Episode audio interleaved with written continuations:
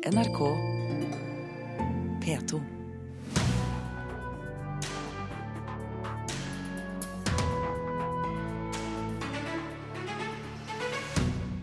Amerikansk overvåkning skader journalistikken, viser ny undersøkelse. Motorpsycho lager ny musikk på norsk og spiller med kor og orgel i Nidarosdomen.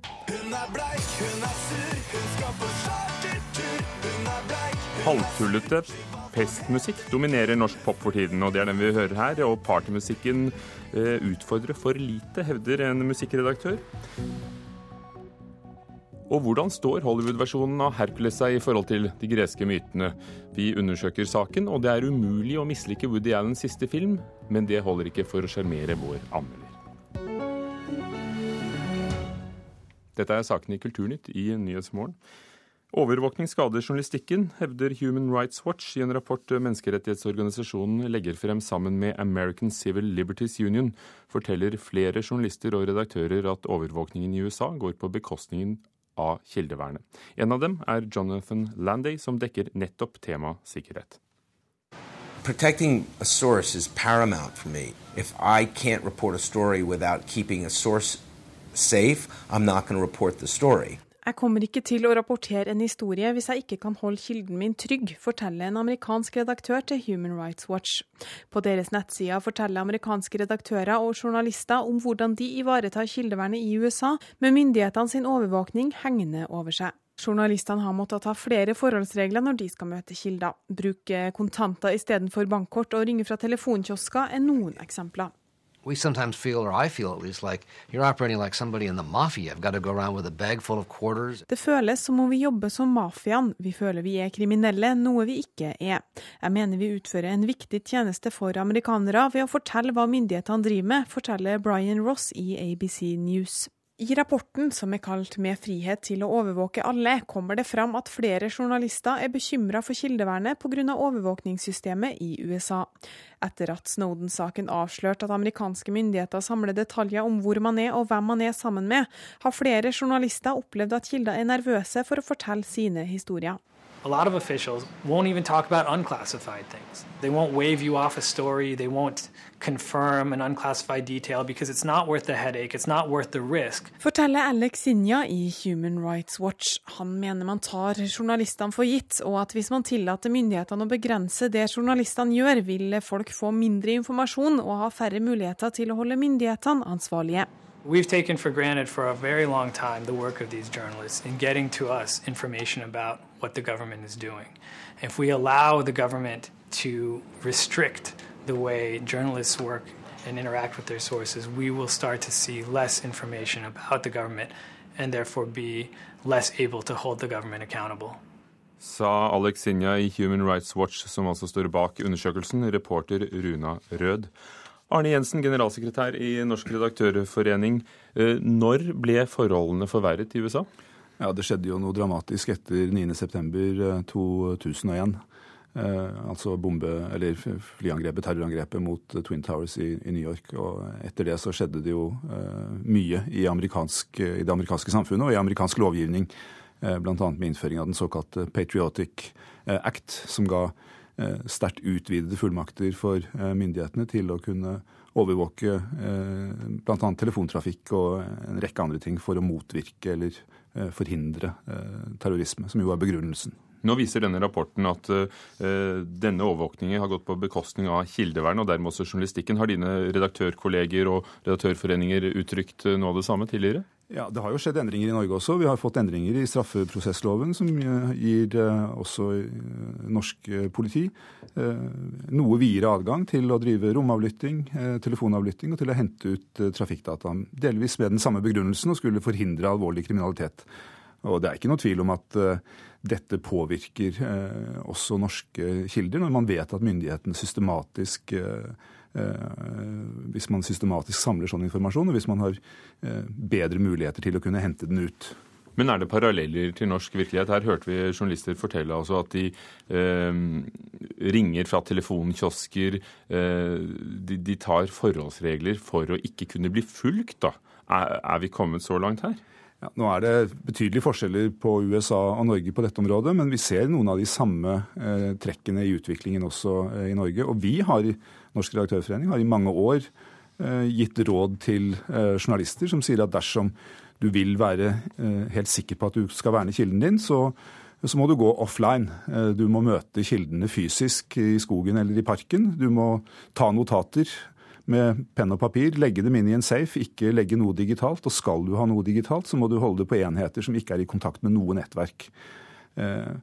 Det er jo den, det, er det ytterliggående eh, råd i og for seg, men, eh, men helt trygg er det jo vanskelig å være. Og det viser jo bl.a. Snowden-avsløringene, at om ikke norske myndigheter overvåker, så kan det være andre som gjør det. Det har vært snakk om innføring av datalagringsdirektivet. Det ble også vedtatt, men nå er det offisielt lagt på is etter at EU-domstolen eh, fant at det stred med nettopp EU-rett. Eh, Hvordan vil det forslaget som lå på bordet til et datalagringsdirektiv, påvirket arbeidet til norske journalister?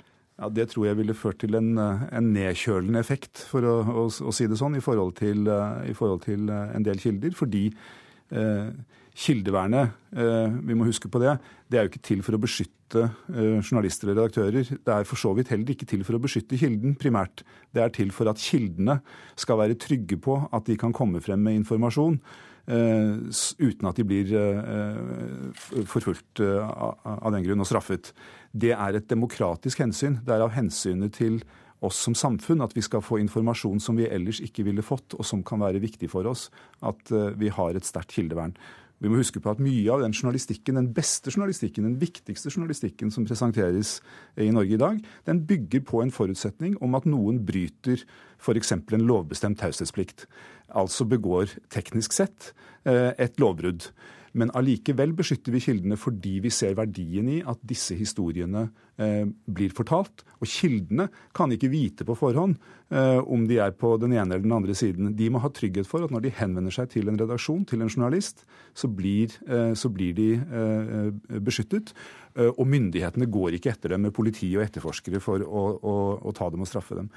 Samtidig så er en overvåkning foretatt av politiet forankret i lov og har til hensikt å unngå kriminalitet og avdekke nettopp forbrytelser. Ja, og, det er, og, det er, prisen vi betaler for å ha et liberalt, eh, åpent demokrati, er nettopp det at en del eh, lovbrudd ikke eh, blir oppklart. Vi må huske på det at i et, i et, demokrati så er det slik at det er borgerne som overvåker myndighetene, ikke myndighetene som overvåker borgerne. Det er fullt mulig å lage et samfunn hvor vi antageligvis kunne forhindre nesten ethvert lovbrudd med 24 timers overvåking av alle borgere hele tiden. Eh, men jeg tror ikke vi vil ha et sånt samfunn. Arne Jensen, generalsekretær i Redaktørforeningen, takk for at du kom til Kulturnytt og kommenterte denne undersøkelsen fra USA. Den palestinske presseorganisasjonen hevder at flere palestinske journalister er drept i målrettede angrep på Gazastripen, skriver Klassekampen i dag.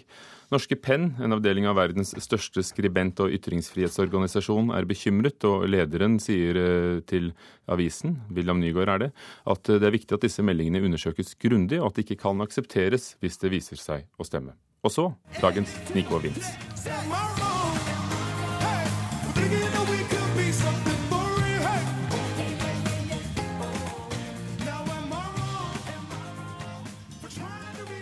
Det er igjen opptur for den norske popduoen på den amerikanske Billboard-listen. Etter en uke på femteplass har de igjen klatret opp til fjerdeplass. De beholder også førsteplassen på radiolisten, som teller avspillingene på amerikansk radio. Og Am I Wrong er den mest spilte på Radio USA for fjerde uke på rad.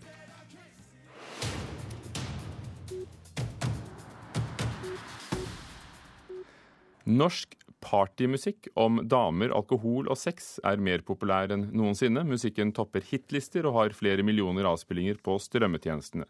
Suksessen skyldes musikkvideoer som deles på nettaviser og sosiale medier, mener en musikkskribent. En av dem som lager festmusikk, er Stian Torbjørnsen. Halla. Halla. Ga eller? Takker ikke nei til det. Stian Torbjørnsen, tidligere Paradise Hotel-vinner, nå artist, kommer slentrende inn i et mørkt musikkstudio med øl i posen og et glis om munnen. Jeg vil beskrive sjangeren jeg opererer i som eh, veldig uhøytidelig og samtidig en slags gøypop. Sammen med kompisen Lasse utgjør de duoen Staysman og Lass. Og sånn høres det ut. Hun er bleik, hun er sur, hun skal på chartertur. Hun er bleik, hun er sur, heter. Morgan, hiv ohoi og en flaske med rom. Bli med meg, og vi styrter den tom. Du ligner litt på Anita Skorgan, Bli med meg og Kaptein Morgan. Gutta har nærmere 30 millioner avspillinger på nettet, og turnerer for tiden med VG-lista-showet etter en sjetteplass på Norges offisielle singelliste. Foran tusenvis av tenåringer fremfører de sanger om alkohol, damer, sex og fest. Er det noen som har lyst på pølse her i kveld? Det rare er jo at fenomenet har blitt større og større, og større, så nå er det jo kanskje det nesten det er mer kredibelt nå da, enn det var for to år, år tilbake. Og jeg ser jo at det er flere og flere aktører som kommer på markedet som driver med den sjangeren vi driver med. Absolutt, Stian. Det har du helt rett i. Dere er ikke alene i denne halvtullete partysjangeren. Vi har f.eks. DJ Broiler.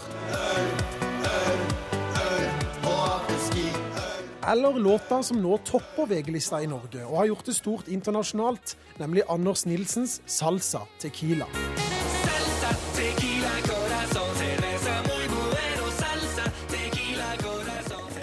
Det er party og party og gutta og de fine jentene og Det er ganske tynt. Det er ikke, det er ikke noe det er ikke noe interessante lag noe sted, da. Det sier Malin Kulseth, musikkredaktør i kultur- og livsstilsavisa Natt og Dag, og tidligere pressesjef for musikkfestivalen Bylarm. Det som er synd, er at ungdom er så utrolig mye mer interessert i det som bare er tull, enn enn, eh, de som faktisk har, har et budskap. Kulseth mener både musikken og tekstene utfordrer for lite. Det er jo det er et interessant fenomen, og det at den har blitt så dominerende. Det sier frilansskribent og kritiker Aksel Kielland. Han skrev tidligere denne uken en kronikk på NRK Ytring hvor han beskriver Norge som russeluelandet. Et land der russeaktig musikk nå er blitt det som i hovedsak beskriver norsk pop. Man hadde en VG-liste nå nylig med Ikke bare var det liksom topp tre-plasseringen var norsk, men du hadde også da inne på topp ti noen sånn to-tre av denne typen låter.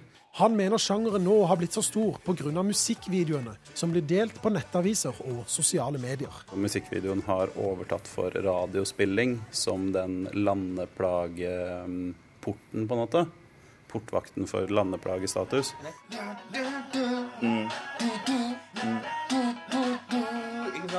Tilbake i studio hos Staysman og Lass. Er det så big deal at de hører på tekster om drikking og festing og ligging? Altså, det er jo ikke verdens undergang, det. Det er mange andre ting her i verden som er mye, mye verre. Sa Stian Torbjørnsen til reporter Christian Ingebretsen. Klokken nærmer seg 16 minutter over åtte dører på Nyhetsmorgen i NRK. Overskriften i dag USA fordømmer angrep på en FN-skole i Gaza. Norske kommuner er positive til å skaffe boliger til syriske flyktninger. Argentina ble ikke enig med sine kreditorer, men regjeringen avviser at landet er konkurs. Og en lett bris av en sommerfilm, sier vår anmelder om eh, Woody Allens nyeste film senere i Kulturnytt. For første gang skal rockebandet Motorcycle opptre sammen med et fullsatt kammerkor og med det nyrestaurerte Steinmeier-orgelet i bakgrunnen. I kveld fremfører de et nytt verk i Nidarosdomen i Trondheim. Det skjer under Olavsfestdagene, og temaet er folk flest. Prøve sånn som det er? Ja, prøv sånn som det er. Inne i den sortmalte verkstedhallen på Svartlamoen i Trondheim øver Motorpsycho sammen med kammerkoret Aurum. På notestativet foran de 24 koristene står det tykke bunker med nykomponert musikk og sang. En, to, tre.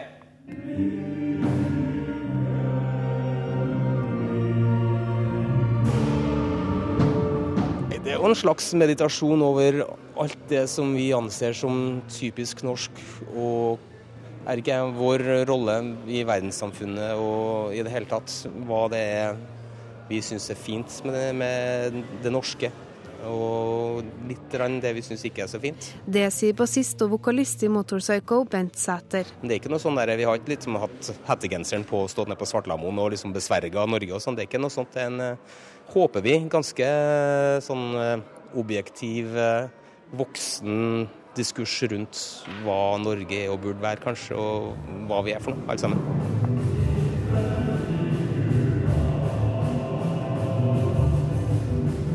Sæter har sammen med Ståle Storløkken komponert og skrevet verket For folk flest. For folk er temaet for Olavsfestdagene i år. Og for direktør Petter Myhr har det vært viktig å få rockebandet med på laget. Jeg er sikker på at det blir et veldig interessant verk. da. Et veldig relevant verk og et veldig nyskapende verk. Og så er det viktig for oss å utvide det som folk oppfatter som musikk som hører hjemme i kirka. At det skal, det skal bli rom for andre typer sjangre. ikke sant? Men er det Olavsfestdagene sin jobb? Ja, definitivt. Det er derfor Olavsfestdagene finnes. Vi skal bryte ned det gamle skillet om hva som skal være innenfor kirka, og hva som skal være utafor. Under rosevinduet i Nidarosdomen står det nyrestaurerte orgelet, som nå skal få prøve litt hardere toner. For første gang har Motorpsycho skrevet et verk på norsk, og synginga har de satt bort. Og da, Når det står 24 mennesker der og synger så vakkert som eh, det han her gjør, så, så er det bedre enn at en- står og rauter i hver vår mikrofon der og ødelegger alt. Så de står og synger våre norske tekster. og jeg syns de gjør det ypperlig. Men hvorfor har dere valgt bort liksom vokalen helt fra dere sjøl? Nei, altså det er jo når du endelig får liksom sjansen etter 25 år til å kunne skrive ting spesifikt for et kor. Da begynner du ikke å blande deg inn sjøl. Da er det greit at koret tar det her. Altså. Det syns jeg. Synes jeg eh, det blir mye rettere,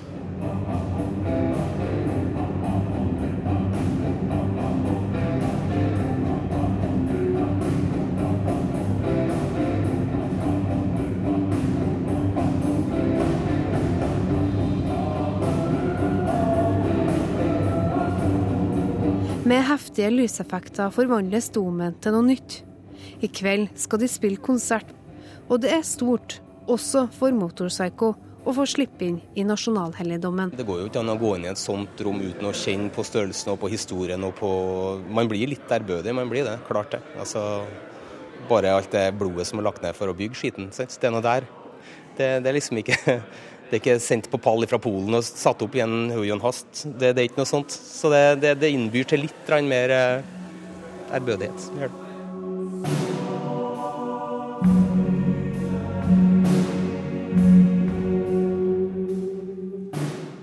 Og til slutt hørte vi bassist og vokalist i Motorpsycho Bent Sæther, reporter Kaja Kristin Næss.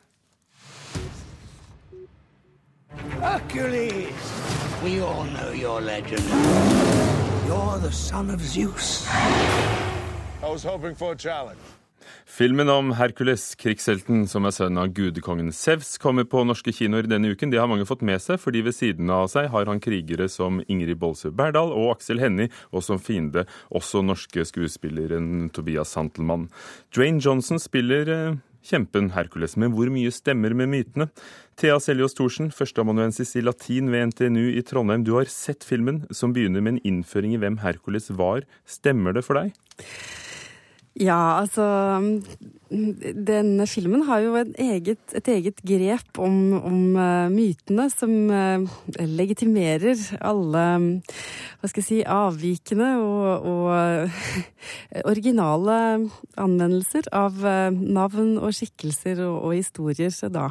fordi man finner jo ut etter hvert at, at Hercules, da, som han heter, egentlig har vært et foreldreløst gatebarn i Aten, og har da skapt disse mytene som vi kjenner som Herakles-mytene. For, fordi filmen er jo da inspirert av eh, en eh, tegneserie. Men hvis Mm. vi går til nettopp eh, de gamle grekere, hvem var Herkules, som romerne kaller ham, eller Herakles, som han heter for grekerne? Jo, han var absolutt en av de aller viktigste mm, heltene. Eh, halvt eh, gud, halvt menneske, og en av de såkalte panhelenske heltene, altså for hele Hellas, for alle de ulike eh, folkene som bodde i det området vi kaller for Hellas. Um, og um, han hadde han, han, Det finnes en Herakles for enhver smak, kan man si, selv om han stort sett har mer muskler enn han har hjerne. Stjerne. Eh, eh, Men eh, han, han har jo disse her tolv bragdene som han utfører, og de består i veldig stor grad av å overvinne overnaturlige vesener, og han representerer på den måten en siviliserende kraft, altså en kraft som tar bort det som menneskene ikke kan kontrollere. Så han, han har et veldig sånt ja, sivilisasjonsaspekt ved seg, da. Um, som- Han må altså bl.a. kvele en løve, drepe den mangehodede vannslangen Hydra, Mm, ja. fange et villsvin, Ja. temme en ildsprutende drage hos kong Minos på Kreta osv. Dwayne Johnson, ser han ut slik du tror at grekerne forestilte seg Herakles?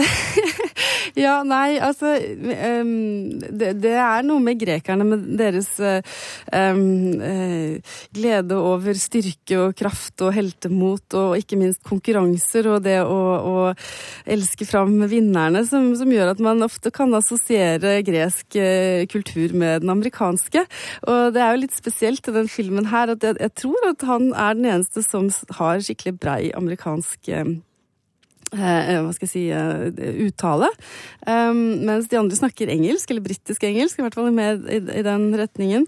Uh, og ja, man, ja, det passer. Altså, hvis man legger god vilje til, så, så kan man si at det passer. Men jeg har ikke sett ham for meg sånn. Det er jo de musklene til, eh, til den amerikanske skuespilleren er jo veldig De er jo litt sånn plastikkaktige, da. Men det kan jo kanskje også Um, passe.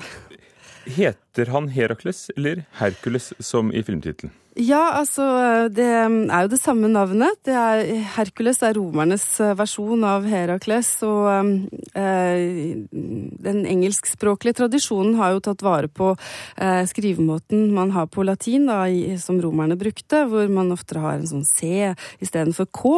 Grekerne har jo en K, en kappa, eh, og det har man jo også på norsk, så vi følger mer egentlig den, den tyske tradisjonen, da, som, som knytter mer an til den greske skrivemåten, så på norsk heter han vel egentlig Herakles. Men et, et åpent spørsmål i filmen. Eh, Men hva sier mytene? Og som man sier helt kort til slutt, Ja. drepte han sin hustru Megara og barna, eller Ja. gjorde han ikke? Ja, det er jo akkurat det punktet der er jo virkelig det som gjør at, eh, at Herakles-skikkelsen er veldig eh, spennende. Og, og altså, han dukker opp i komedier, men også i tragedier. Da, og spesielt dette med drapet på kona og barna, som er en forferdelig eh, traumatisk eh, hendelse for ham. For det er, i, i, i, de, greske mytene så er det hans skyld. Det vil si, gudene orkestrerer jo alt mulig rart, eh, så han har jo eh, på en måte blitt lurt oppi denne situasjonen, men i de greske mytene så, er det, så, så dør de ved hans egen hånd. Men det er jo da Det er jo veldig fint med den filmen her, at, at de tar tak i akkurat det aspektet ved mytene om Herakles, og, og holder det opp som en, en, en virkelig hendelse, da, eh, som han er veldig usikker på om han er skyldig eller ikke, og det kan man jo la stå som et åpent spørsmål, for det knytter seg jo veldig an til, til det, det, ja, det spennende dreiepunktet i filmen for den som ikke har sett den ennå. Takk skal du ha. Thea Seljås Thorsen, førsteamanuensis i latin ved NTNU, for at eh, du så ukens premierefilm 'Hercules' eh, for oss i Kulturnytt. En annen av ukens premierefilmer er Woody Allens 'Magic in the Moonlight'. Colin Firth spiller tryllekunstneren som skal avsløre Emma Stone som synsk svindler i Sør-Frankrike på 1920-tallet. Vår anmelder Birger Vestmo synes at Allen har laget en lett bris av en film, der den store aldersforskjellen mellom skuespillerne ødelegger for romantikken. I need your help. The plot thickens. The Catledge family are socialites in the south of France. There's a woman who has them believing she's a spirit medium. You are the greatest debunker of fake spiritualists. She won't fool me. Magic in the Moonlight starter som alle andre Woody Allen-filmer, med den samme fonten mot sort bakgrunn, tonesatt av gammel musikk i mono. Men mens hans forrige film, Blue Jasmine, tegna skarpe bilder av menneskers selvbedrag, er Magic in the Moonlight ren kos. Denne historien er faktisk så ufarlig og sødmefylt at den ender opp i likegyldighet blant tynne figurer og blass romantikk. Det er umulig å mislike filmen, men det er ikke nok å flyte på skjermen, sjøl for Woody Allen. My mental impressions are cloudy. Are they cumulus clouds or cirrus? You're making fun of me. Historien foregår i Sør-Frankrike på slutten av 1920-tallet. Tryllekunstneren Stanley, spilt av Colin Firth, blir tilkalt av en venn til et gods der den rike arvingens forelskelse, Sophie, spilt av Emma Stone, har trollbundet familien med sine synske evner. Stanley skal med sin ekspertise forsøke å avsløre Sophie som svindler, men skal erfare at det blir langt vanskeligere enn antatt. Give us a sign. The more I watch her, the more I'm stunned. Selvfølgelig ligger det romantikk i lufta mellom Stanley og Sophie, noe som umiddelbart vekker spørsmål hos meg om aldersforskjellen på ca. 30 år. Dette er et gjentagende fenomen i Woody Allens filmer, og han passer nøye på at ingen figurer kommenterer det underveis. Men denne fascinasjonen for eldre menn med unge jenter ødelegger illusjonen om oppriktig kjærlighet for mitt vedkommende. Jeg tror ikke riktig på figurenes følelser for hverandre. Tell me something about my Aunt Vanessa's colourful past. A seen member of parliament. Go on. A love affair. You cannot possibly know this. Samspillet mellom Firth og Stone er likevel prega av rik og levende dialog, med morsomme observasjoner rundt tro, håp og kjærlighet. Bakteppet er billedskjønne Côte d'Azur i en søt og naiv tidsalder, der sjøl tanker og samtaler om ensomhet og død fremstår som flyktige bekymringer. Ingenting er farlig i dette universet, og det fins ingen skumle figurer med spesielt onde baktanker. I see a White House in Belgravia. Yes, that's all correct and rather amazing, but I don't buy it. Magic in the Moonlight er en lett bris av en solrik sommerfilm som bare vil behage, ikke provosere. Det her er altså ment som ren kos, men jeg savner en temperatur, større konflikter og saftigere konfrontasjoner. Woody Allen er sjølsagt fremdeles en interessant manusforfatter og regissør, men denne gangen har han vært altfor rund i kantene. Han ble Oscar-nominert for manuset til Blue Jasmine, men jeg spår, helt uten å være synsk, at han ikke blir det for Magic in the Moonlight. Find that menacing? I'd say it was pretty romantic. Birger Vestmo om 'Magic in the Moonlight'. Kjente filmregissører, blant dem Quentin Tarantino, forsøker å redde produksjonen av fysiske filmruller. De fleste filmer spilles inn digitalt, og derfor har salget av filmrullene stupt med 96% på mindre enn ti år. Men nå har flere av Hollywoods mest kjente regissører overtalt filmstudiene til å bestille store partier med film fra den nedleggingstruede Kodak-fabrikken i New York. Det er den siste som lager slike filmruller. Mange regissører mener at filmer spilt inn på nett og film eh, gir en mye bedre bildekvalitet. Kulturnytt var i dag ved Hanne Lunås, teknisk ansvarlig, Tone Staude, produsent, og Ugo Fermariello, programleder. Hør flere podkaster på nrk.no podkast.